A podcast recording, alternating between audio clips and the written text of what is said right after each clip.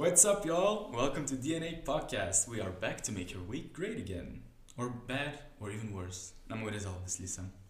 Onze gast deze week is een jonge ondernemer. Hij is brand strategist en identity designer. Hij is ook een oprichter van Backhouse Design. Hij is een bedrijf gespecialiseerd in brand developing.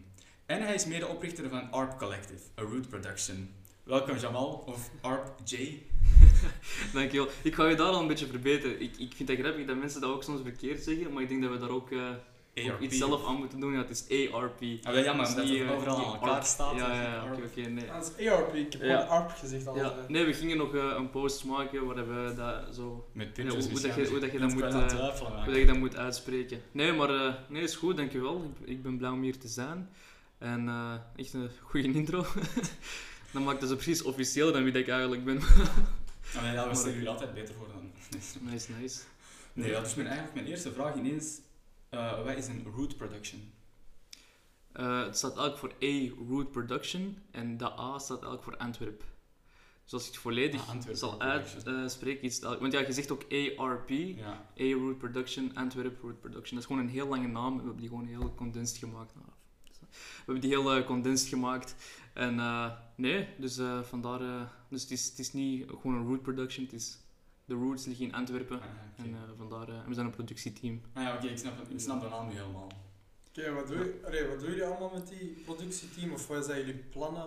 Ehm, Eh, Wel, momenteel is eigenlijk... We zijn vooral met, met eigenlijk voor twee kanten bezig. Eh, het eerste en vooral is we maken ja, content voor ons eigen. Zaken die wij leuk vinden. We hebben bijvoorbeeld niet zo lang geleden eh, een trip naar Andenne gedaan. Ehm, waar we gewoon eigenlijk iedereen zijn skills eh, hebben samengebracht. En dat is ook de eerste keer dat we met z'n vijven drie dagen, ja, drie dagen lang onder één dak hebben geleefd. Dus ook ineens aanvoelen van oké, hoe- ja, hoe is de samenwerking eh, met elkaar? Ehm, nee, en daar zal ik echt even een beetje een introductie geven aan wie dat wij zijn, wat dat wij doen. Zo'n beetje wiens, wie wat doet binnen ARP.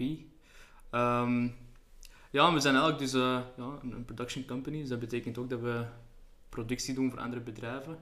Eh, we gaan binnenkort bijvoorbeeld eh, ook een podcast mee ondersteunen van het bedrijf van Aliens. Ik weet niet of jullie die, dat bedrijf kennen. Die zijn bezig met inclusive marketing. Dat is ook hier in Antwerpen.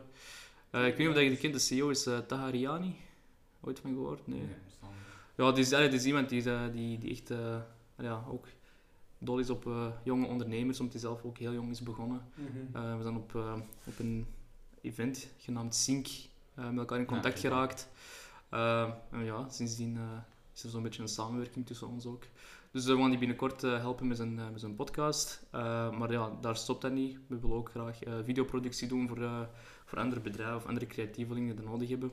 Maar ons uiteindelijk doel is om eigenlijk door te groeien eh, en artiesten vooral te helpen met de productie die ze nodig hebben. Eh, het gaat niet alleen om videoclips shooten, maar ook gewoon om eh, ja, ehm, ik zal zeggen, wat creativiteit er ook mee inbrengen, mee nadenken over het concept. Ehm, eigenlijk de tools geven die ze nodig hebben om hun carrière zo'n beetje te laten bloeien. Een media company eigenlijk. Ja, je zou het met dat kunnen vergelijken, maar dan iets meer... Ik zal zeggen, we werken graag iets meer op een vriendschappelijkere basis. Dus ook hier gaan wel waarschijnlijk dan in de toekomst contracten zijn en al die zaken. Maar het is echt meer de...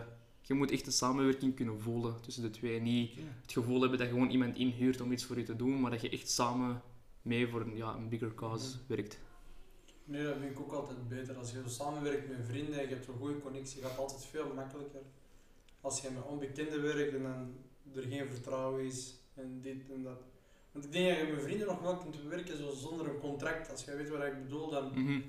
Elkaar onbekende gaat dat vertrouwen. niet zo makkelijk, want je weet niet wat die onbekende gaat doen. Ja, natuurlijk, natuurlijk. Maar het ding is ook gewoon, ja, je moet relaties bouwen hè, met Ja. mensen. Eh, en als je, daar, als, als, je daar, als je daar goed in bent, dan eh, kun je Ja. zeker veel verder groeien.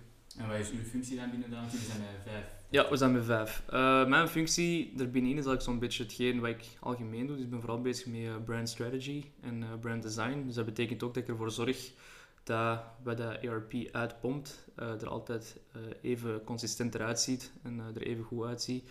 En ook gewoon de manier hoe dat wij communiceren met mensen, het altijd hetzelfde is. Dat je echt weet van, ah ja, dat is ERP. en dat is niet een of ander bedrijf. Dat er ook gewoon tussen zit. Dus die herkenbaarheid en zo moet er ook allemaal in zitten. En al die andere kenmerken. Want jij bent ook heel jong begonnen, hè? Niet? Nee. Ja, dus ik ben eigenlijk... Ik was op mijn...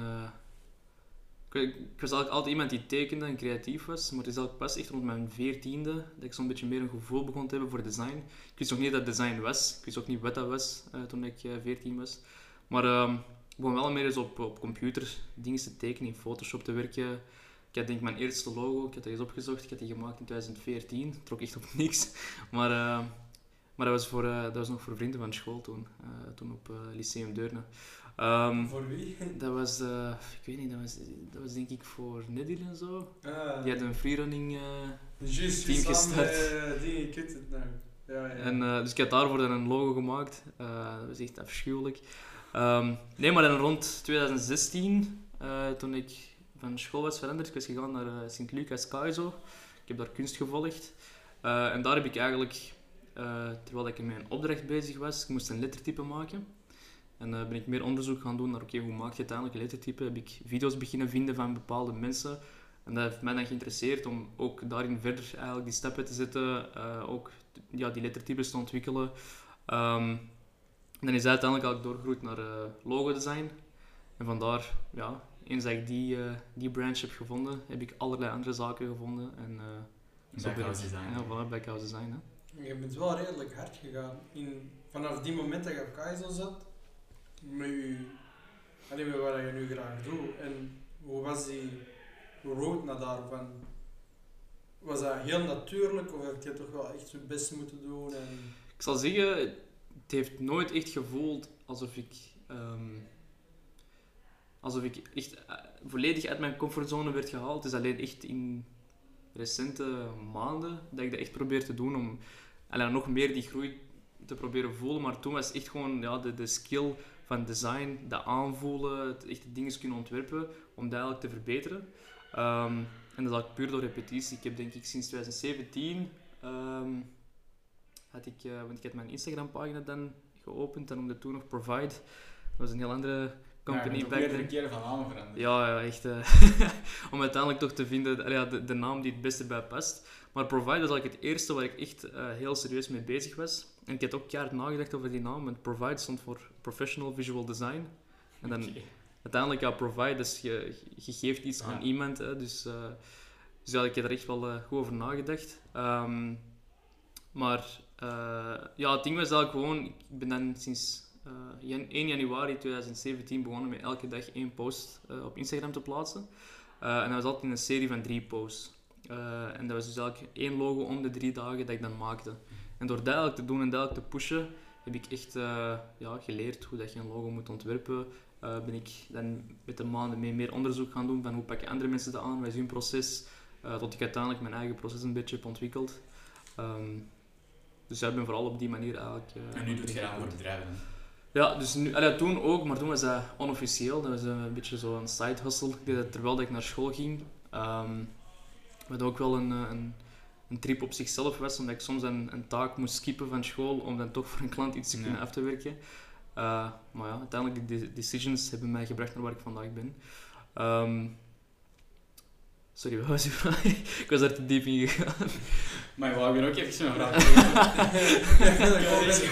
Ik was even aan nadenken, wat was nu weer de purpose van die vraag? nee, nee.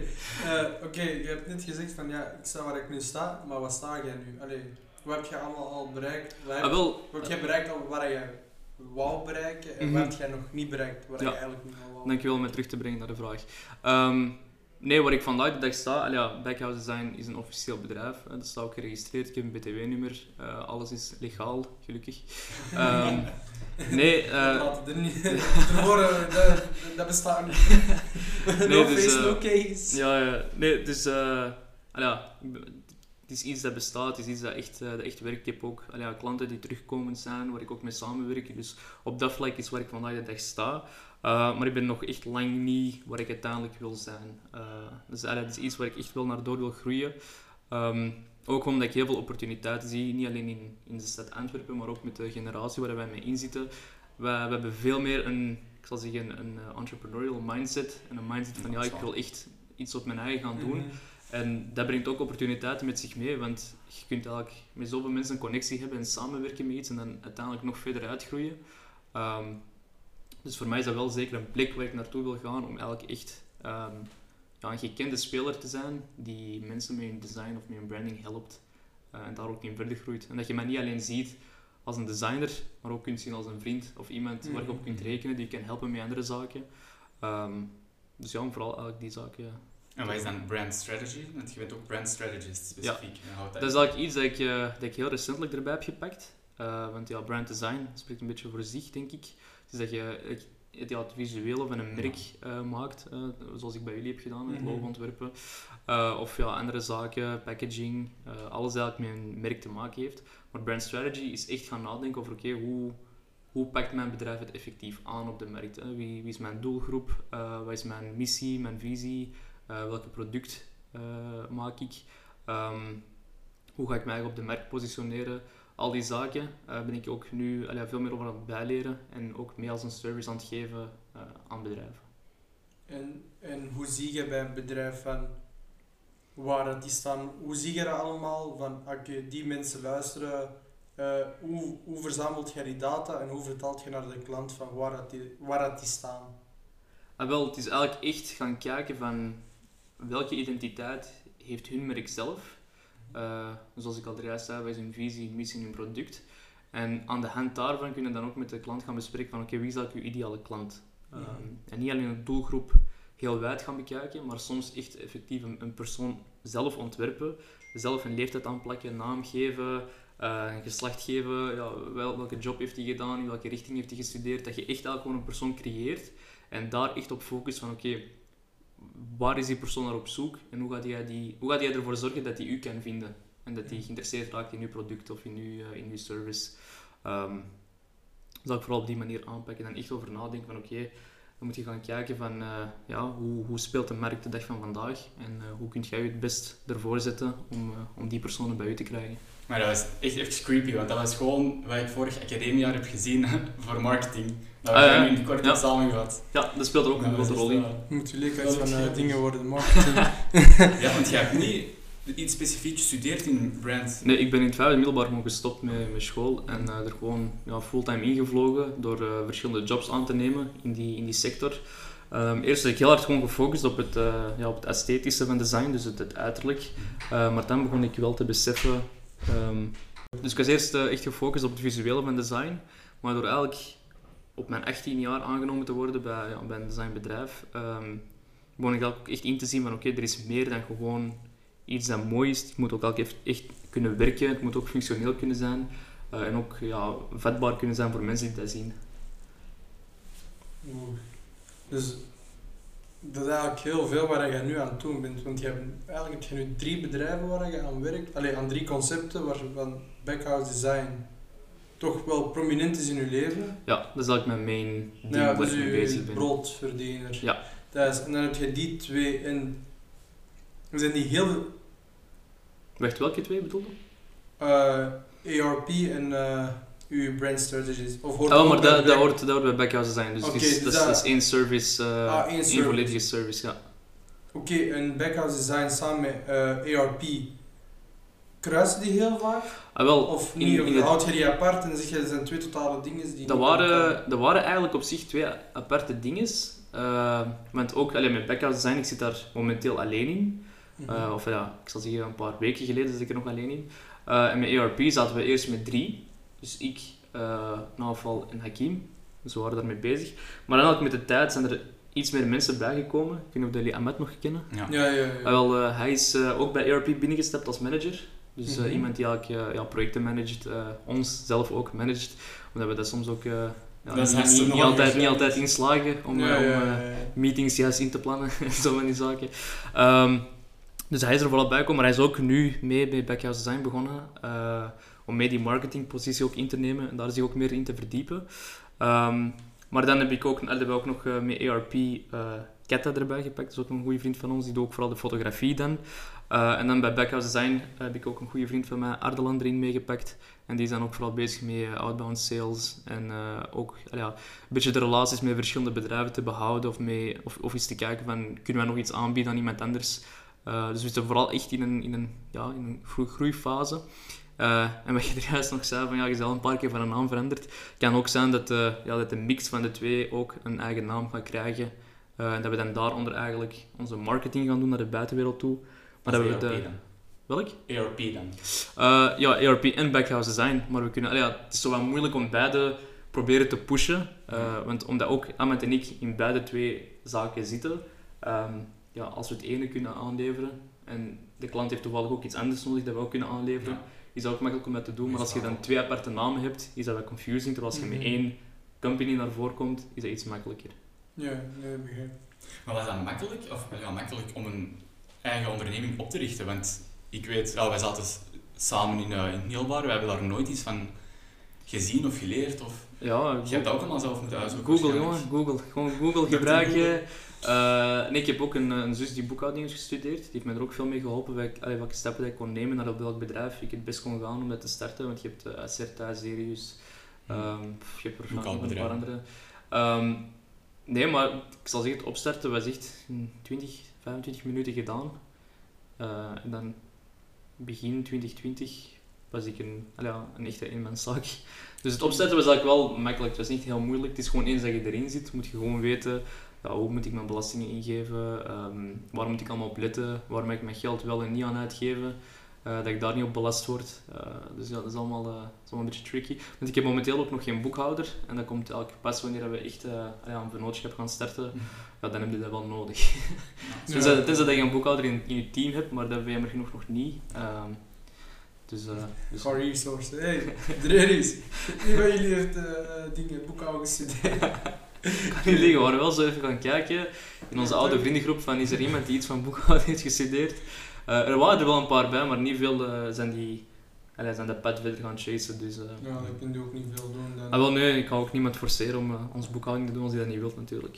Ja, dat is waar, want je, bent, je blijft wel in je vriendenkring, heb ik gemerkt. Um, Of mensen die je kent. Ik, nee, ja, nee, niet per se eigenlijk. Want ook die, uh, bijvoorbeeld mijn na, naafval Nakim, ik heb die denk ik drie jaar geleden leren kennen. Dus het is ook niet van, allee, dat het allemaal mensen van vroeger waren die wij ja. kenden. Maar het is ook echt, ja, ik blijf wel in de vriendenkring, maar niks weerhoudt mij om nieuwe vrienden te maken. Dus. Mm -hmm. dat is waar. Maar je zit nu met uh, ERP en uh, je hebt net verteld van ja, we hebben, we hebben mijn vriendenkring zit in die groep. Maar hoe is de samenwerking? Hoe is de chemie? Gaat dat goed? Hebben jullie gemerkt bijvoorbeeld in de Ardennen dat jullie toch wel momenten hadden van ah shit, want bijvoorbeeld ik en Damir, we waren twee weken in Kroatië. Naar Rome gegaan een week. Ah ja, dus we allemaal, allemaal veel te lang bij elkaar. We waren veel, ja, we hadden echt een maand afstand nodig, maar dan, dat was er nog niet voorbij. Dan waren we nog samen een maand lang stage gaan volgen. Ah ja, dat ook nog, maar... Allee, daar hadden we echt wel geleerd van, kijk, we kunnen heel goed overweg met elkaar, maar wanneer het te veel wordt, wordt het te veel. Maar hebben jullie dat al gemerkt? Want soms, bij vrienden heb je zo van, ah nee, wij kunnen echt perfect samenwonen, dit en dat. Ja, bij ons, ik zal zeggen, het is een zo'n beetje een mix tussen professionaliteit en chaos. Hè. Je moet gewoon weten wanneer bent je vrienden en wanneer bent je business partners. Dat is, echt, allee, dat is wel iets dat je moet kunnen onderscheiden. En dat is heel moeilijk, hè? Uh, ja, hangt er ook vanaf. Hangt er vanaf hoe de mindset van iedereen is. Nu, het is, het is ook, we zitten in een, in een grotere groep. Ja, jullie zijn met twee. Hè. Dus als jij je Ja. slecht voelt, maar hij voelt zich nog steeds goed, jij voelt je nog steeds slecht. Dus Mhm. dat gaat niet verbeteren. Terwijl als je in een groep van vijf mensen zit, één iemand gedraagt zich wat anders tegen de andere, je hebt nog steeds je andere vrienden kunnen zeggen van nee mannen, Wij gaan dit nog wel snel. doe, doe een beetje rustig. Maar tot nu toe hebben we niet iets meegemaakt dat echt een groot probleem is met heel de groep. Ik denk ook wel dat, dat we zo wat de mentality hebben van we zitten onder ze wel erover. En ook het moment dat, dat, ja, dat, je echt, uh, dat er veel dingen at stake zijn, hè, bijvoorbeeld papierwerk of zo van die zaken, dan uh, gaat u wel iets makkelijker gaan beginnen gedragen als je weet dat uit elkaar gaan geen optie meer is. Nee, nee, nee. Als jullie te diep zitten, wel, nee, nee, Ja. we allemaal samen. Nee, op zich, de drie dagen dat we samen waren, waren echt uh, dat waren goede, goede momenten. Het is gewoon, ik denk dat iedereen een beetje, ja, niet elkaar beu was, zou ik zeggen. Maar toch wel het gevoel had van, oké, okay, ik ben blij dat het wel dat gedaan is. Dat het gedaan ja, is. Um, dat we na een maand ook. Ja, want ook gewoon, ik zal zeggen, de eerste dag, je komt aan, je bent, moe, je bent al een beetje moe. Hè, want dat was, Ja, ja. dat was denk ik drie uur met de trein in totaal. We hebben ook drie verschillende treinen moeten pakken. Uh, om daar te geraken. Niemand eruit bij ons? Dat is stress van mij. Nee jong, niemand van ons. Oh Dat zijn allemaal, uh, ik heb, ik allemaal pendelaars. Ik, heb al, ik heb al vier jaar openbaar vervoer niet meer Ik dat is ken dat, ik ken dat niet meer. dat is echt- dat is iets waar ik niet over kan spreken. Ik heb vandaag nog de tram gepakt. dat ik, ik, ik heb Ik ben een- aan het vermijden sinds corona. hè. Sinds corona er is Serieus? ik, Ja. eh, openbaar vervoer niet gepakt. Ik eh, wandel Ik liever. pak dat gewoon niet. Ja, wandelen doe ik ook wel graag. Maar Ik dan heb ik ook vanaf welk weer. Ik heb zo'n elektrische fiets, zo'n Super 37, is precies een scooter met een fiets. En, en allee, ik, we hebben twee auto's thuis. Die, allee, voor mij, openbaar vervoer pak ik maar altijd te laat. De, de te laatheid van een Marokkaan plus het openbaar vervoer, dat zorgt ervoor dat je nooit op tijd gaat komen. Daarom was ik ook niet op tijd vandaag. Ja, dat, dus ik begrijp, je, dat, dat gaat niet, daarom pak ik dat ook niet meer. Nee, maar ja, dus de, drie treinen gewoon naar binnen te gaan. Oei. Ja, ja. Maar overal he- heeft die reis jullie veel geleerd over jullie eigen? Ja, we hebben ons eh, wel een beetje bijgeleerd over elkaar, ook hoe dat we het beste met elkaar overweg, allee, overweg kunnen. Ehm, ook gewoon wie... Na drie dagen zit je ook echt van, oké, wie is de serieuze van de groep? En wie, zo de, wie kan de ergste zijn? Want ik heb een goede gok, jij was de meest serieuze. Nee. Nee? Niet? Wie? Nee. Eh, Ahmed. Ahmed was wel... Ahmed? Ja, was degene Serieus? Die, die zich echt het meest serieus kon... Ah, hij kent dat wel een beetje. Die, die vooral. Ehm, Maar hij is ook de manager, dus hij moet wel. hij moet, hij moet. Maar, maar als jij hem zo ziet, dat jij denkt, jij ziet. Nee, hij is echt de serieuze van de groep. Hè. Met, hem kun je echt nee, eh, nee, wel een nee. gesprek hebben, zelfs na drie dagen. Maar eh, nee, pff, na dag twee, ik lag er ook al gewoon uit. Ik heb, eh, maar, ja, maar je kent me ook gewoon van school. Ja, maar ook Allee, ik, je kan, ik, kan serieus, ik vrienden kan zit. serieus zijn. Ik, moet- allee, ik kan serieus zijn op het moment dat dat moet. serieus. Ja, ja, Op het moment dat dat ja, moet, kan ik dat zeker zijn. Maar ja, op, op andere momenten ben ik ook gewoon mezelf uiteindelijk. Nee, ik begrijp, oh, ik begrijp wel dat je zo na drie dagen kapot bent van. Die hebben je waarschijnlijk niet laten slapen. Jawel, jawel, jawel. Maar ik was ook de... Ja, het ding is, iedereen ging gewoon slapen. Snap je? We zijn ook op die... Ik zal zeggen, wij zijn op dat niveau van ons leeftijd gekomen dat we echt slaap wel appreciëren. Eh, dat echt gewoon... allee, er zijn sommigen die zelfs om vijf uur in de namiddag gewoon even gingen slapen, omdat die... allee, die hebben die recharge nodig natuurlijk, snap je? Ja. Dutjes overdag, ah, dat kan ik echt niet. Nee? Nee, dat kan ik echt Nee, niet. Ik kan ik kan donker maken, maar ik kan dat niet. Ik ken dat wel, maar ik- mijn dutjes duren iets langer dan ik had gehoopt. En dan, eh, dan word je eigenlijk zo heel groggy wakker. En dan juist niet. pijnlijk, Dan die is het geen tanden, dutje Ja, my, oh. Jullie- echt- Alles doet pijn. Hoofdpijn, nek strak. Ja, Ja, nee. maar eh, nee, het was wel een toffe, ja, een toffe trip. nee. Maar het ding is ook gewoon, als je drie dagen weg bent met vrienden, na een tijd word je ook gewoon moe van jezelf. Ja, Dat is echt... Ah, ja, als je zoals mij bent, hè. Ja, ja, ja, ja, ja. Maar je hebt dus niet ehm, specifiek een diploma om iets te doen van wat je nu mee bezig bent. Nee, het enige diploma dat ik heb is van, eh, van lagere school. Ah, je hebt je dingen niet afgemaakt. Middelbaar, nee, middelbaar niet afgemaakt. Ooit van plan om dat toch te doen? Ga zo van... Ik, Of ik, wa- ik, was dat van plan. Ik had me ingeschreven voor uh, volwassenonderwijs toen ik Mhm. juist was beginnen werken. Eh, ik heb zelfs zo die examens gedaan om zo eh, vrijstellingen te krijgen. Ja. Eh, eerste les kwam eh, en ik heb gewoon gemaild dat ik, eh, dat ik, niet, ik dat niet ga doen. Het is me uiteindelijk niet gelukt, want allee, ook gewoon, nu is dat voor mij ook heel onrealistisch. Want ik heb Ja, zowel een ja. 9 to 5 als met mijn eigen zaken bezig. Eh, ik heb al niet eens de tijd om mijn eigen rijbewijs te gaan studeren, dus ja, hoe ga ik Ja, hoe gaat je tijd een, diploma proberen te halen? Ehm, En heeft dat moeilijkheden voor u opgeleverd in de weg van ik ga mijn eigen bedrijf op- oprichten van tot aan RP, ARP komen? Heeft dat, want je hebt waarschijnlijk ook nog gesolliciteerd ergens anders voor je zelf bent beginnen werken? Ik heb, eh, ja, ja, ik heb aan meerdere plekken gesolliciteerd. Ik heb op, tot nu toe drie bij drie bedrijven gewerkt. Maar het is ook nu, ik ben zelfstandig in bijberoep, dus ik doe wel nog steeds een eh, 9-to-5 job. Ehm, maar nou, ja, ik zal zeggen, de eerste job was de easiest, want ik werd ook gewoon aangenomen aan de hand van mijn portfolio. Die wist ook gewoon dat ik nog op school zat, eh, de werkgever Mhm. toen. Ehm, nee, dus dat was, ja, dat was eigenlijk easy. Eh, en daarna was dat wel een beetje ja, een paar bedrijven zoeken. Dan krijg je soms het antwoord van, ehm, van ja, je, wel, je, je werkt goed, je hebt goede designs, maar je leeftijd en het feit ja, dat je geen diploma hebt, kan wel een beetje een risico zijn voor ons.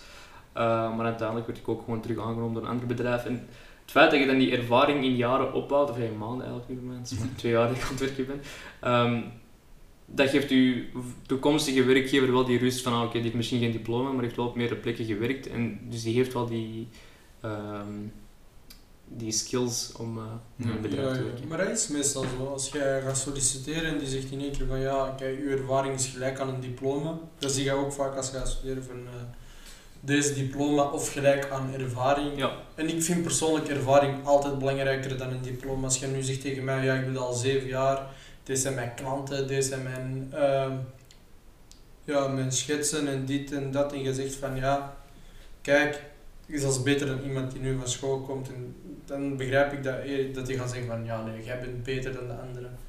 Maar stel voor, je komt uit school en je zegt van ja, ik heb niet een diploma, maar ik ken deze wel, dan zou ik wel sceptischer zijn. Ja.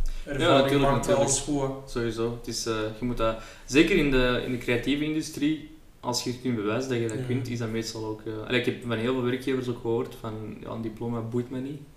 Eh, ik heb ook bij sommige sollicitaties zelfs nooit mijn cv moeten tonen. dus dat is ook wel een Oké. voordeel. Laat gewoon zeggen wat je kunt, dat, is, dat zullen we praten. Ja, maar dat is wel grappig, want zoals je alles wat je daarnet hebt opgenoemd, heb ik ook allemaal gezien in mijn ene vak marketing dat ik in een, in een academia heb gezien. En je hebt dat in ervaring opgedaan. Ik niet, ik heb dat in boeken gelezen. Ja. Dus dat is ergens een voordeel dat jij wel hebt in zekere zin.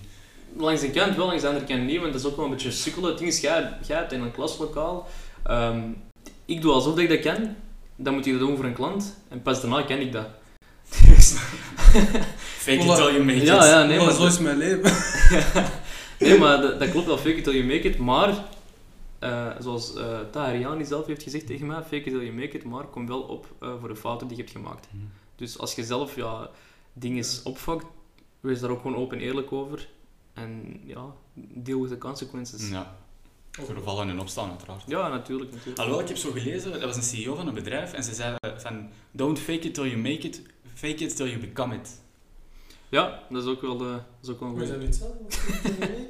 Fake it to be... to be- Ja, oké, maar dat Hetzelfde klinkt, dat doel, klinkt maar leuker. Dat klinkt leuker. Dat klinkt, leuker. ja. Dat is zo'n beetje zo de, de cliché verbreken door iets anders Inderdaad. ertussen te gooien, maar elk Zo. komt op hetzelfde neer. Van, Het is hetzelfde, maar toch even een beetje nadenken. Ja, ja, Heb je zelf. dat niet al eerder gehoord van... nee, nee. Maar dat is wel... Ik heb ook heel vaak gedaan, fake it till you make it. En dan... Wij twee hebben één hele grote gegooid en dat is ons heel goed gelukt. Dus als we dat niet hadden gedaan... Nou, je bent echt zo goed spanning opbouwen en uiteindelijk niet zeggen. hè? Ja, want Ja, ik ben aan het wachten bij dat die Nee, nee, maar Ik kan dat ook niet zeggen, want... Ja, nee, we gaan het ook niet zeggen. Nee, maar jij weet... Jij weet Ja, ik weet het, maar mensen luisteren weten dat niet. Hij weet Ja, dat onze weten dat niet, maar ik weet ook niet of dat je dat mag zeggen, maar we hebben zo hard gefaked dat wij, dat wij, dat die, dat wij gewoon een van de beste dingen hadden uiteindelijk en wij hebben echt bullshit gedaan. we hebben zo foto's gemaakt van ja, zo'n deuren en dit en dat, maar uiteindelijk, als jij even ging verdiepen, ging je zien, die eigenlijk echt shit gedaan.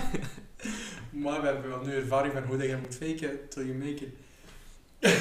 nee, ja, maar- het is ook echt het punt dat je gewoon... eh, ja, kijk, je moet dat gewoon doen. Lukt dat, lukt dat, lukt Ja. dat niet, lukt dat niet. Heb je ervaring? Het ding is, het is makkelijker om dingen bij te leren over bepaalde zaken, wanneer dat je echt in een, een beetje in een stressperiode zit en denkt van fuck, oké, deze moet ik echt goed doen. Mhm. Eh, want dan ga je echt proberen zoveel mogelijk ervan op te nemen en eh, ja, de, ermee in zee te gaan. Hè. Mhm. Maar, maar dat heb ik ook bijvoorbeeld als ik aan taken werk of zo. Voor, voor een, ja, jij voor een klant, maar ik dan voor mijn eh, hogeschool. Die zegt van ja, je taak moet dan af zijn. In het begin, als je zo geen tijdsnood hebt, skeu, je doet niks. Eenmaal als je beseft dat je tijdsnood bent, dan begint je te stressen. Dan gaat je extra hard je best doen om dat zo snel mogelijk zo goed af te maken. En Ja. Voor mij werkt dat beter dan als ik gewoon chill moet werken. Want ik heb dat ook bij, bijvoorbeeld bij mijn giep. Ik heb dat een week ervoor gemaakt dat je moest afleveren. Dus Mhm. een bundel van 60 pagina's.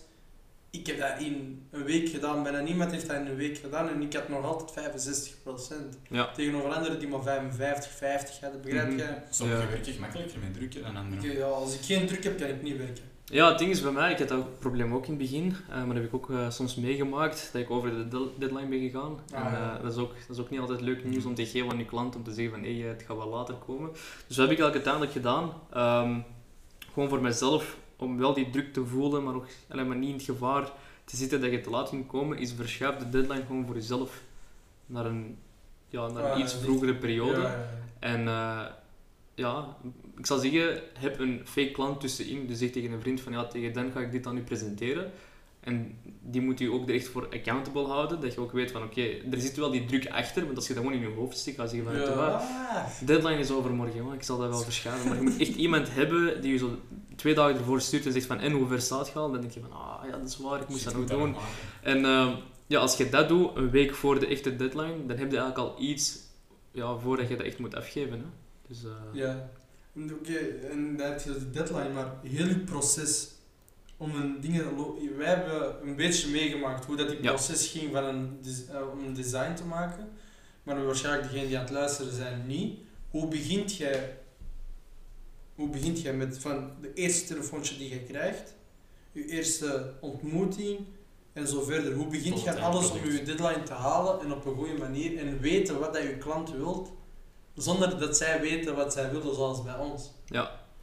Ehm, wel, het is eigenlijk... Ja, een job van een designer is uiteindelijk proberen de ideeën en de woorden van je klanten te veranderen in beelden. Mhm. Eh, en ervoor te zorgen dat het zo dicht mogelijk bij elkaar komt.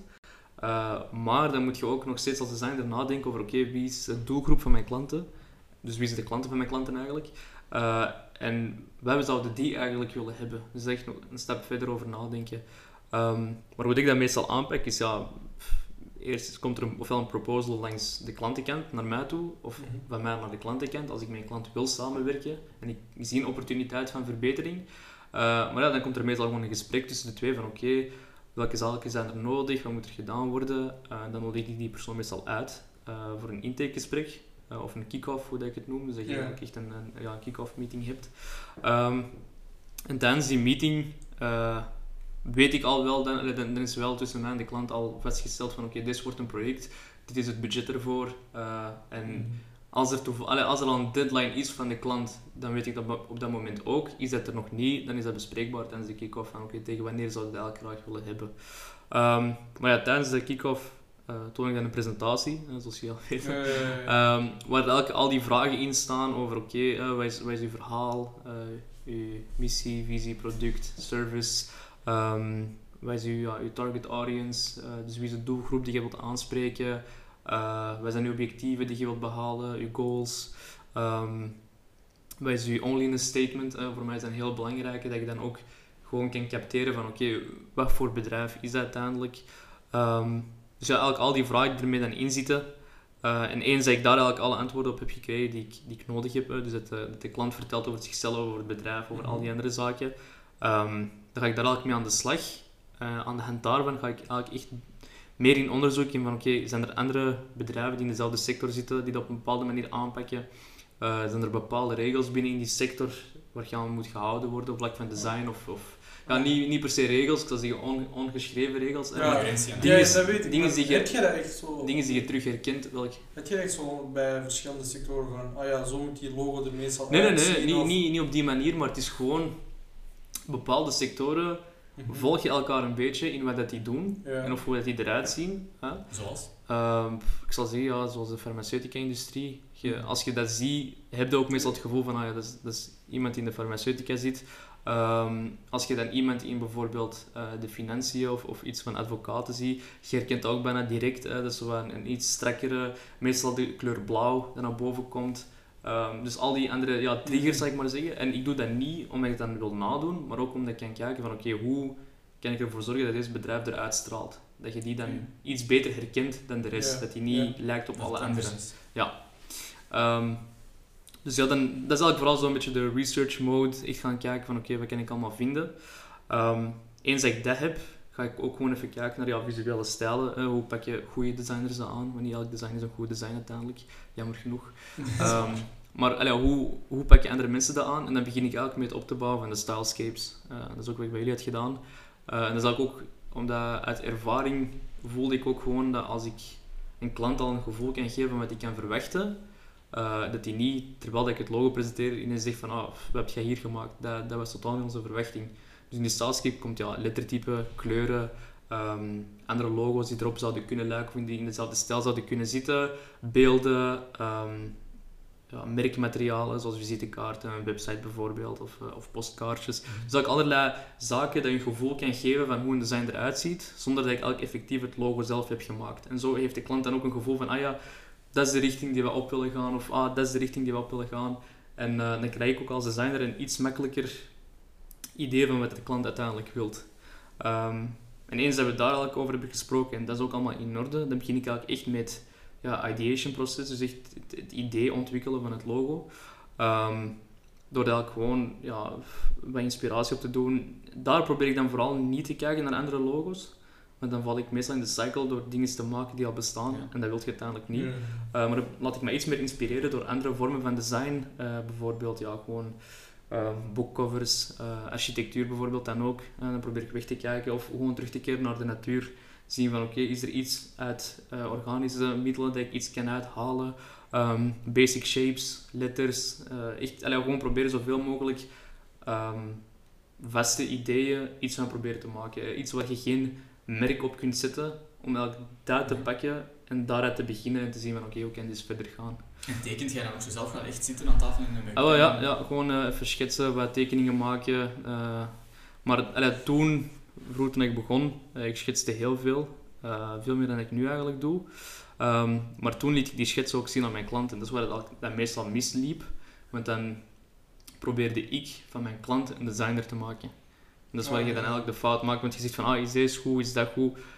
Op zich, je klant kan wel weten wat hij goed vindt. Maar designmatig kan een klant niet altijd weten wat dat goed is.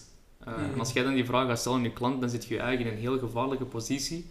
Want dan begint je klant ineens ja, eh, Uw werk voor u te doen. uw werk voor u te doen. En dat is eigenlijk hetgeen dat je niet wilt. Ehm, dus nu maak ik die schetsen wel en dan neem ik er eigenlijk een paar uit die ik interessant vind. Maak je daar nog een paar iteraties op. Ehm, en eigenlijk uiteindelijk van die designs maak ik een digitale versie. En dan begin ik ook gewoon verder te kijken van oké, ehm, hoe zou ik hier het merk echt meer in kunnen laten voelen. Ik spelen met kleuren. Ehm, ook in welke materiaal zou dat kunnen passen. Stel voor dat je nu dat je een logo zou moeten maken voor een, eh, voor een restaurant. Hoe zou dat op zakken eruit kunnen zien? Hoe zou dat op, eh, op ja, doppen van flessen bijvoorbeeld eruit kunnen zien? Ja, mock-ups te maken. Ehm, dat de klant ook echt het gevoel heeft van, ah ja, oké, zo ziet mijn, ja, mijn logo eruit als hij zou leven. Eh, zo ziet Ja, mijn brand eruit als hij zou leven. Dat heb ik ook bij jullie gedaan. Ehm, maar dan is ook heel belangrijk eh, de manier hoe dat je je logo presenteert. Want ik presenteer altijd drie ideeën, eh, maar ook drie volledig uitgewerkte ideeën. Ik geef bijvoorbeeld niet de, de space aan mijn klant om te bepalen hoe groot of hoe klein een bepaald lettertype gaat zijn. Eh, voor mij, wat ik presenteer zijn afgewerkte producten. Is, ja, is geen van de drie in orde voor u, dan ga ik het idee herdenken en verder kijken naar, naar hoe dat je verder al een moet. paar keer gehad dat je zegt van, nee, Ehm, niet akkoord. Vanaf dat ik eigenlijk ben begonnen met Stylescape eh, mee in mijn proces te pakken, is dat nooit meer gebeurd. Eh, kan nog gebeuren in de toekomst, dus jinx in, ja. kan nog gebeuren in de toekomst, hè, maar, eh, maar nee, met de klant die ik tot nu toe heb gehad, eh, die waren allemaal wel tevreden met de laatste designs, omdat dat ook hetgeen is dat ze echt in gedachten hadden, jullie ook eronder natuurlijk. Ehm, maar, dus wat ik dan vooral probeer te doen, het eerste deel van de presentatie is eigenlijk echt heel objectief kijken naar het logo. Eh, en de reden vertellen waarom het zou werken. Eh, je kunt dat vergroten, verkleinen. Ehm, je- als je dat in, in bepaalde contrast zou zetten, gaat dat ook lukken. Eh, zo ziet dat eruit op een social media page. Echt gewoon alle angsten die een klant kan hebben in verband met je logo, tonen van kijk, dit gaat allemaal lukken, allemaal geen zorgen over. En dan eigenlijk ja, eh, een beetje de klant ophypen door iets te laten tonen in, in mock-ups. Ehm, ben ik ook veel meer bezig met motion design. Dus het kan ook iets zijn dat ik dan binnenkort meepak, dat ik een logo van een klant animeer, dat hij dat ook gewoon in beweging ziet. Ehm, om dan ja, de vraag te stellen van, eh, heb ik het punt volledig gemist? Eh, en dat is eigenlijk een iets betere vraag om te stellen dan is dat goed? Want het is makkelijker om te zeggen van, ja, ik vind dat niet, heel, ik vind dat niet helemaal goed of ik ben niet helemaal tevreden. maar- Voilà. Terwijl als je zegt van heb ik het punt helemaal gemist, ja, dan, dan zeg je gewoon heb ik dat helemaal verprutst. En dan kan een klant Mhm. meestal zeggen van ah, nee, eigenlijk niet, het is wel de richting die we uitzoeken. Dus je krijgt al makkelijker een iets positievere feedback ehm in welke zaken dat hij wel goed vindt. Want dan kun je je focussen op de zaken die dan aangepast moeten worden of anders moeten zijn. Eh, want de feedback waar ik naar zoek van een klant, als hij een design niet goed vindt, is niet van ah, het lettertype moet anders of eh, het logo moet groter of kleiner. Het is vooral van welk gevoel wilde echt capteren met je logo en welk gevoel vind je hier niet in terug. Eh, of ehm, wat zou je klant over je logo kunnen denken? Allee, welke gedachten zou die klant over je logo kunnen hebben die jij niet wilt dat ze gaan hebben? Snap je? Ehm, dus vooral eigenlijk die, die zaken probeer ik wel eh, als feedback van mijn klanten terug te krijgen.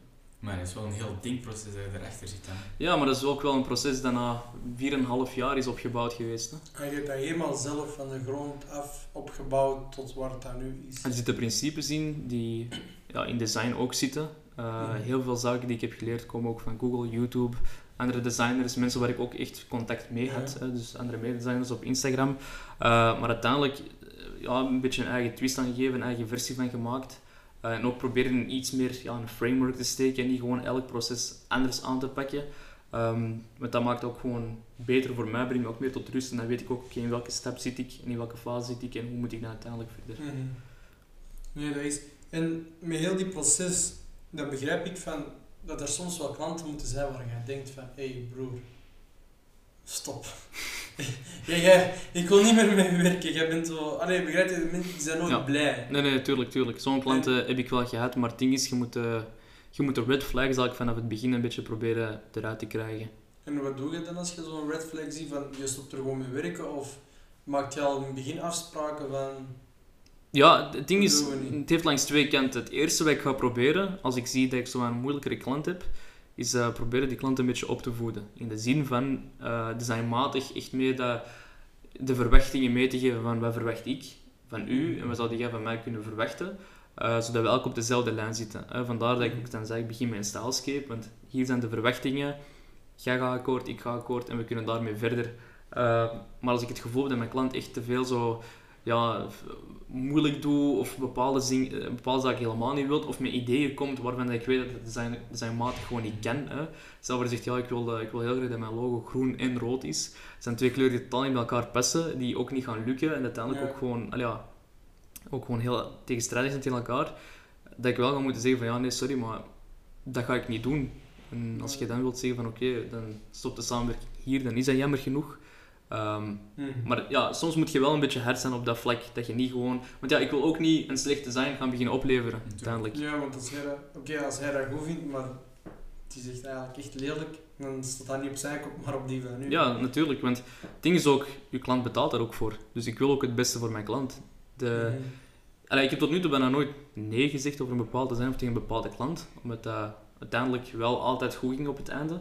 Ehm, maar het is gewoon, ja, als dat moet, dan moet dat. En ik doe dat niet vanuit een selfish reason, maar puur omdat ik mijn klant juist wil helpen. Ja, ja. Mhm.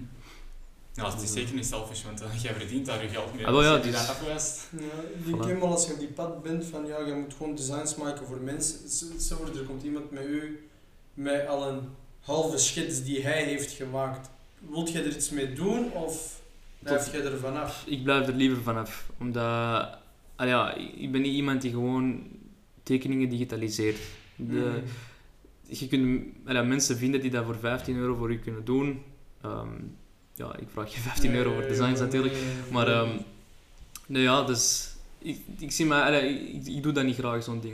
Het is vooral echt een, een, een samenwerking tussen mij en de klant in de zin van, ik heb de rol van een designer, jij hebt de rol van een opdrachtgever en we pakken dat op die manier aan. Iedereen heeft zijn sterktes en we brengen die samen om elk het beste te maken. Ja, al de materialen en zo, dat kost wel wat zeker. eh, Wat voor investeringen waren? Of heb je veel investeringen moeten doen? Of heb Ehm, je daar hulp bij gekregen van andere mensen die je materiaal Wel- hebben gegeven? Of? Wel, in het begin valt het eigenlijk nog best wel mee. Ik bedoel, ik heb heel lang op een, eh, op een computer van zes jaar oud gewerkt. Dus dat gaat gewoon wel. Dat, dat ging wel, dat ging, want het programma dat ik gebruikte toen was ook gewoon gratis. Ik had, ik had geen Adobe, ik, had, allee, ik heb dat nog steeds de dag van vandaag eigenlijk niet, omdat ik dat... Ik heb andere programma's die ik allee, veel liever gebruik, maar ehm, toen gebruikte ik een programma dat noemde Inkscape. En daar kun je ook vectoriële bestanden mee maken. En een vectorieel bestand is ook gewoon een, een, een tekening of een... Je maakt eigenlijk iets dat je kunt scalen, Mhm. groter en kleiner kunt maken zonder je kwaliteit te Mhm. verliezen. Ehm, dus dat werkt op een andere manier dan Photoshop, dat is meer een Illustrator-programma. Ehm, en daar maakte ik eigenlijk mijn logo's in. Ja, de computer had ik al op mijn, verja- op mijn twaalfde verjaardag gekregen. En ik was toen, toen ik echt wat serieuzer bezig was met designs, was ik 17, dus ik had die al goede vijf jaar. Eh, die was ook gewoon half kapot, maar Recycling. die is er, die is er gewoon Ah, door blijven pompen. ja, ja, natuurlijk. Gewoon door blijven pompen. Ehm, nee, ja, een, een scherm had ik gekregen van mijn broer. Eh, ik heb nooit echt met tekentablets gewerkt, dus ik had er ook de nood niet voor. Echt gewoon pen en papier. Eh, ja, echt pen en papier. Eh, en dan was het ofwel inscannen met de printer die we thuis hadden, of een foto van trekken met, op mijn smartphone. Ehm, Maar eigenlijk echt in het begin, dat was echt gewoon ja, op, op zijn gorillas gewoon dingen maken dat met, met, met het materiaal dat je hebt. Ja, natuurlijk. Als je gaat nadenken over hoe dat grafisch ontwerpers werkten in de jaren 50, 60, dan was allemaal knippen en plakken. Hè. Er was geen computer, er was geen Photoshop, er was geen scanner. Eh, dat was echt allemaal handmatig. Dus eh, Mhm. als je een beetje back to the roots gaat, dan, dan lukt dat wel een beetje. Ja, maar sowieso, ik denk dat je daar ook heel veel van hebt geleerd om met zo weinig mogelijk, zo goed mogelijke dingen te Tuurlijk, maken. tuurlijk. Want En, ja, als jij alleen maar hulpmiddelen gaat gebruiken, hetzelfde als met een auto rijden. Je rijdt met een auto die alleen maar hulpmiddelen heeft, na een tijd gaat je niet meer weten hoe dat je moet rijden. Want de auto doet dat voor je, begrijp je? Ik denk dat waarschijnlijk net iets anders is bij Mhm. dingen, maar je begrijpt het concept Mhm. wel. Maar als je al van begin hebt geleerd van ja, zo weinig mogelijk, zo goed mogelijk dingen maken, dat dat voor u beter is en makkelijker is om, als er toch iets is dat je direct naar een andere alternatief kunt gaan om dat toch af te maken. Ja, natuurlijk. Maar ook elk op zich logodesign is niet een heel dure job om uit te voeren. Uh, ja, niet logodesign alleen, maar het design op zich. Ehm, het duurste dat je kan uitkomen is ja, ofwel je computer, ofwel de programma's die je gebruikt. Hangt er vanaf mm wat je kiest. Ik gebruik persoonlijk ehm, programma's van de Affinity line. Dus je hebt Affinity Photo, dat is zoals Photoshop. Affinity Designer, dat is zoals Illustrator. En uh, Affinity Publisher, dat is zoals InDesign. Uh, en elke programma kost 55 euro dat je gewoon één keer betaalt en dan heb je dat voor altijd op je computer staan. Dus dat is niet meer uh, zoals met Adobe dat je ja, voor alles maandelijks 79 euro betaalt. Dus dat is toch wel een flinke hoop.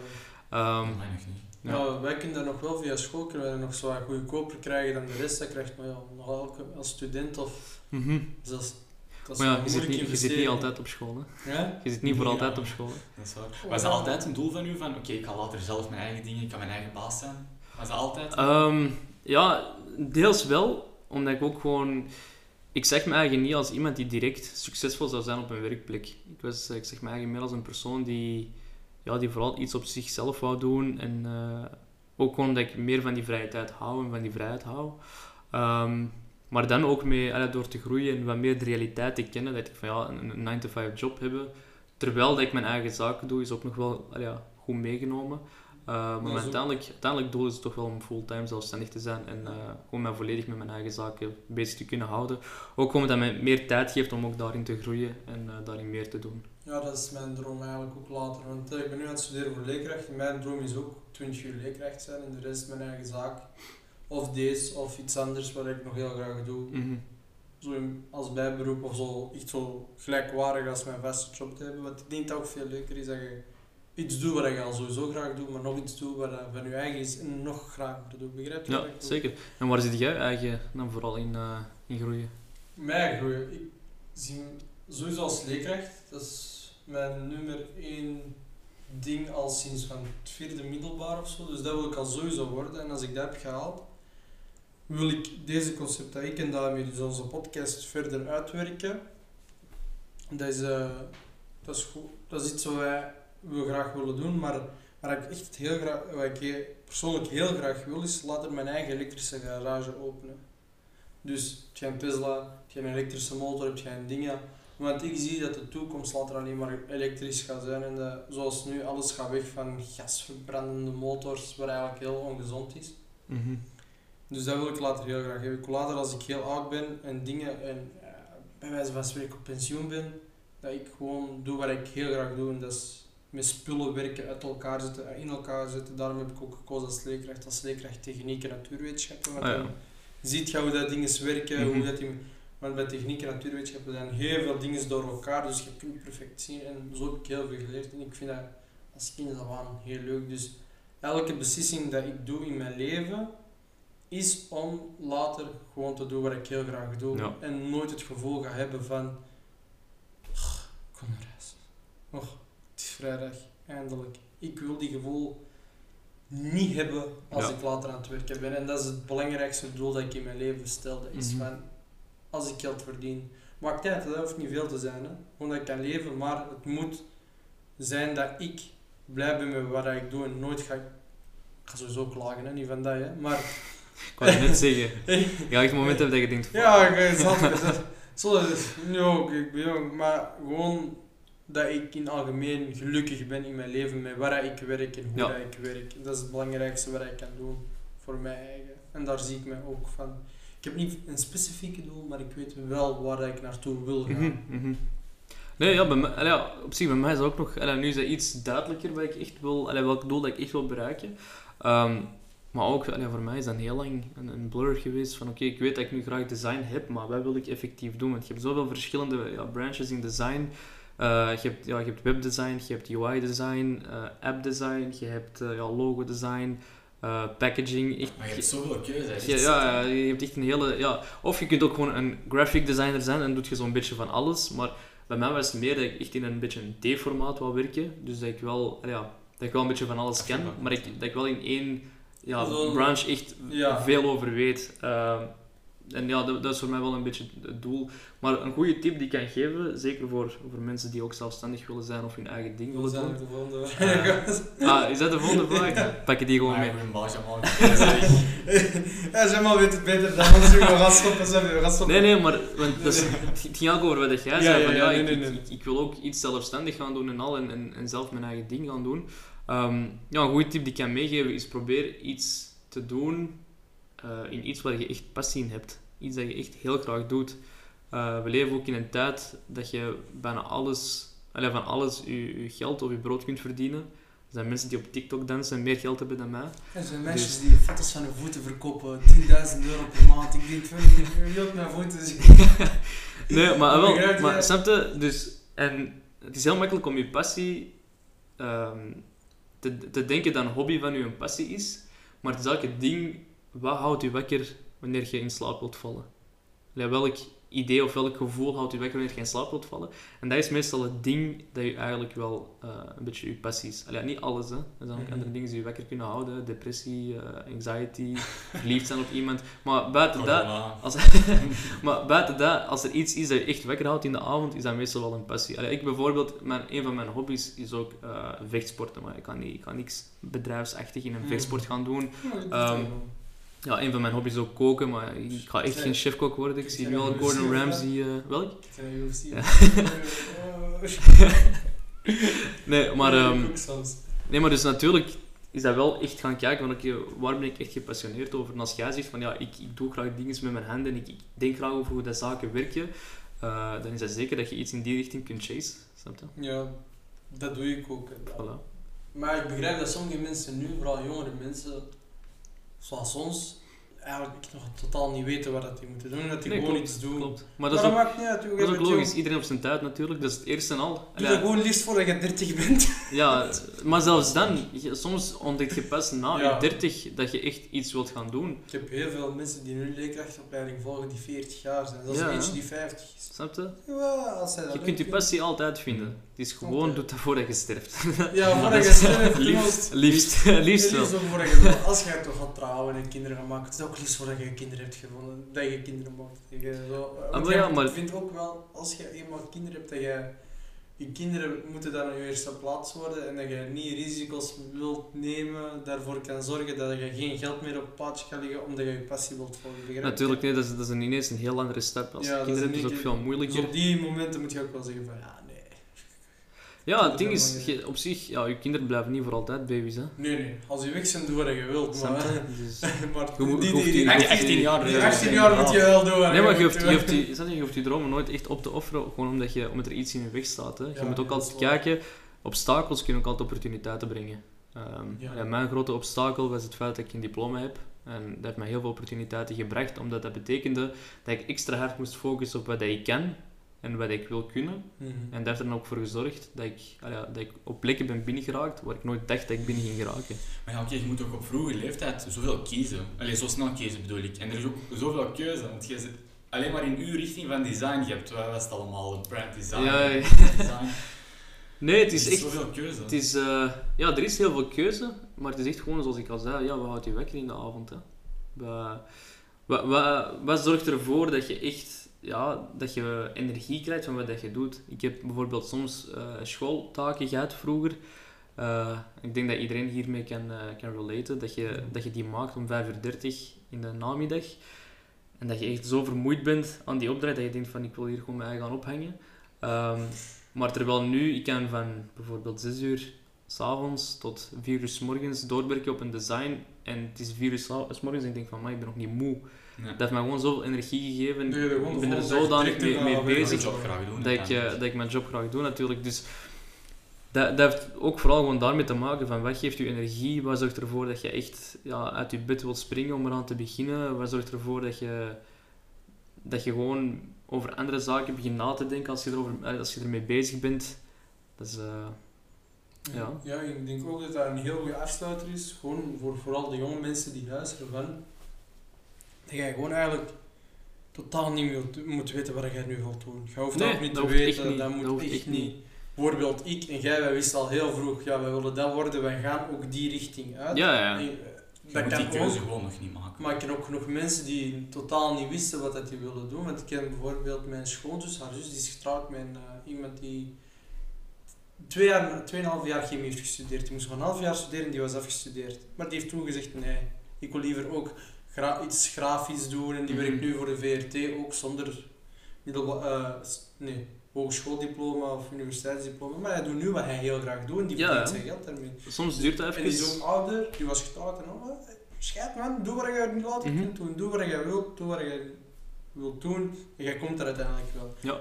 u, bij mij, we weten, bij u is het wel heel goed gegaan, want je hebt je eigen bedrijf, je werkt 9 to 5, je doet e- exact wat je wilt op een zeer jonge leeftijd. Maar dat wil niet zeggen dat jij al heel vroeg mee weet wat je wilt doen. Nee, nee. En het ding is ook, en dat is ook iets dat ik heel belangrijk vind, probeer niet het voorbeeld zeg maar, zeggen, van andere mensen te nemen. Je mocht mensen meepakken als een, als een doel of als een idee van, ah, ja, dat zou ik graag willen doen.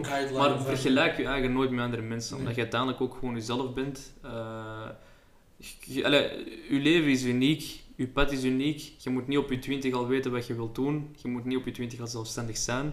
Zelfstandig zijn is zelfs niet voor iedereen gemaakt natuurlijk. Nee. Je hebt ook heel veel mensen die keihard energie uithalen uit een job te doen die misschien niet zo populair is, maar die wel nodig is om, zodat de andere mensen in leven blijven. Dus ik vind ook op zo'n zaken mocht je nooit allee, ja, kijken en zeggen van "Pff, we zijn die aan het doen. Allee, ja, Nee. vroeger was dat vaak dat, dat zo, bijvoorbeeld Bezo-richtingen heel, ja, heel donker leken voor sommige mensen, maar En nu zoekt iedereen bij zo'n Snap je? richting. Voor mij is dat, dat waren altijd kei goede richtingen. Waarom? Dat zijn uiteindelijk de mensen die de zaken doen die je dagelijks nodig hebt. Dat is waar. Snap je? Wat dat ik doe, allee, ik noem dat tussen haakjes een fake job. Wat doe ik eigenlijk? Ik, ik, ik lever bestanden op die je zelfs niet kunt aanraken. Zo, een, eh, een comedian zei dat. Die, die was aan het praten, dat is Alex Agnew. Alex Agnew zei, die eh, was aan het praten van, ah ja, eh, die was aan het praten over die jobs. En eh, een man zei zo, hey, wat zegt jij? En hij zei, ah ja, wat doe, eh, wat doe jij? En hij zei in één keer, ah ja, is het fijn om een dak boven je kop te hebben? Ik zeg, ja, ik ben daar dankbaar voor. Hij zegt, ja, allee, graag gedaan, hè. ik ben dekwerker. ik begrijp je, als Ja, er is aan het regenen in Maar je? dak, Er zijn, er zijn zoveel we niet bij stil. Ja, er zijn zoveel dingen dat je niet bij stilstaat. Maar ja, stel je voor nu dat, dat het internet wegvalt, eh elektriciteit wegvalt. Ja, ik ben gedoemd. Mijn job is niks meer waard. Mijn job is waardeloos. Ja. Maar als je dan nog in de supermarkt werkt of nog iets anders zo, Dan dat je nog altijd werkt. eh, dat is een paar encyclopedieën naar boven. Alle jongens gaan lezen vandaag. Nee, Google vandaag. Begrijp je? Nee, maar snap je? Dus dat is, eh, dat is iets dat je zeker Ja. niet, mocht, eh, niet moet denken dat dat niet, niet waardevol is of Nee. zo. En ook gewoon, ja, voor jongeren die nog steeds die niet het idee hebben of niet weten wat dat ze willen doen, experimenteer gewoon zoveel mogelijk. Hè. Als je, als je stages kunt doen met verschil, eh, op verschillende bedrijven, probeer dat. Als je, ah, als je gratis opleidingen kunt volgen, doe dat. Als je bij YouTube-video's wilt kijken van andere sectoren, doe dat. Zie gewoon wat uiteindelijk voor u past. En Misschien kun je nog klanten stelen van hun ook.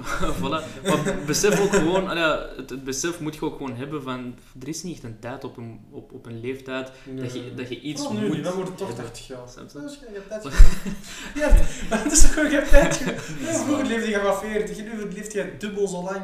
Zie Je hebt dubbel zo lang de tijd om iets te doen wat je wilt. zie gewoon dat je niet je, ik zal zeggen, je, eh, ja, je, je jonge jaren opoffert, omdat je Nooit gewoon doen, ja. denkt dat je, ja, dat je iemand moet inhalen of zo. Want ah ja, nu is dat iets moeilijker natuurlijk met, met COVID. Maar, maar bijvoorbeeld bij mij, ik heb heel veel mensen zeiden tegen me, ah ja, je hebt, eh, je hebt hogeschool, je hebt je tijd daar opgeofferd, of universiteit, je hebt dat ook kunnen doen. Ik heb nooit het gevoel gehad dat ik iets heb opgeofferd. Ik heb juist het gevoel gehad dat ik, dat ik meer dingen heb kunnen halen uit mijn leven. Ik ook, maar bijvoorbeeld mensen zeggen dat ook tegen mij. Ja, hogeschool is de beste tijd van je leven. Nee man, misschien voor drinkende Belgen die niks anders te doen hebben. Een vrijdagochtend, ja. Drinken donderdag, komen vrijdagochtend naar school. Zat als iets. Ja, oké, voor hun is dat misschien leuk. Maar voor mij, hogeschool kan ik puur gewoon om te studeren. Ik ben naar huis en ik heb mijn drainage waar ik dingen mee ga doen. Voor sommige, voor sommige jongeren, ja, hogeschool is de beste tijd van je leven. Maar voor Mhm. sommigen, zoals u of voor mij, zijn andere dingen. Je doelen bereiken. Ja. Mijn jongere jaren, dat is voor iedereen anders. Dus jij mag nooit iemand als dingen opnemen, het dan weer, om te volgen. Maar jij mag misschien inspiratie uit hun halen. En hij gaat nu iets zeggen tegen mij waar ik spijt van ga hebben. Ik ben, ik ben echt aan het wachten op. Ja, want hij staat daar klaar, maar ik kan laten hem niet praten. Wachten, hè. Ik laat Nee, nee. uitpraten, maar nee, dus je, je bent echt iedereen over hetzelfde kam aan het scheren. Dat is toch niet waar? Dit, wij zijn aan het studeren en dan hebben wij tijd om dit te doen. Als je moet werken van 9 to 5, dan kunnen we dit toch niet doen? Daarom, je beste tijd, ja, dus je beste tijd omdat je ook altijd nog andere dingen kunt doen naast studeren. Studententijd is je beste tijd van je leven. Mensen zeggen dat, ja, ik begrijp ook dat mensen dat zeggen. Het is niet omdat je op vrijdagochtend eh, zat naar de aula komt. Maar je kunt deze ook perfect doen als je een 9 to 5 hebt. Ah, hangt even welke 9 to 5. Als je katoenatie 9 to 5 is beter om dit te doen, want je hebt geen zorgen daarna. Maar ja, als je leerkracht bent of zo, dan, dan is het Denk er ook, ja, denk er vanaf welke de 9 to 5 taak dat je doet. Maar uiteindelijk, ik begrijp wat jullie beiden zeggen. Hè. Ja, ja, Maar het ding is, allee, voor mij, de, de statement ehm, van ja, hogeschool is de, wat is dat? Hogeschool is de beste Tijd van je leven. Beste- Studentenleven eigenlijk. Studentenleven is de beste tijd van studentenleven. je leven. Ja, op zich, ik denk wel dat dat een waarheid is voor heel veel mensen. Maar allee, ja, ik ben nooit eh, student geweest van hogeschool of universiteit, dus voor mij is dat onbekend terrein. Allee, ja, Ja. voor mij was dit, allee, is deze ook een van de beste tijden van mijn leven. Of ik kan er waarschijnlijk in de toekomst ook iedereen in. Dus dat bedoel ik ook met de juiste zeggen, vergelijk je nooit met anderen. Wees gewoon je eigen, wees blij met wie dat jij bent en, en ja, pak je leven aan hoe dat je dat wilt aanpakken. dat is een mooie noot om op te eindigen. Dank je Jamal om langs te komen. Dank aan iedereen die heeft geluisterd. En ook bedankt aan de mensen die niet hebben geluisterd. En wij zijn er gewoon volgende week terug to make your week great again.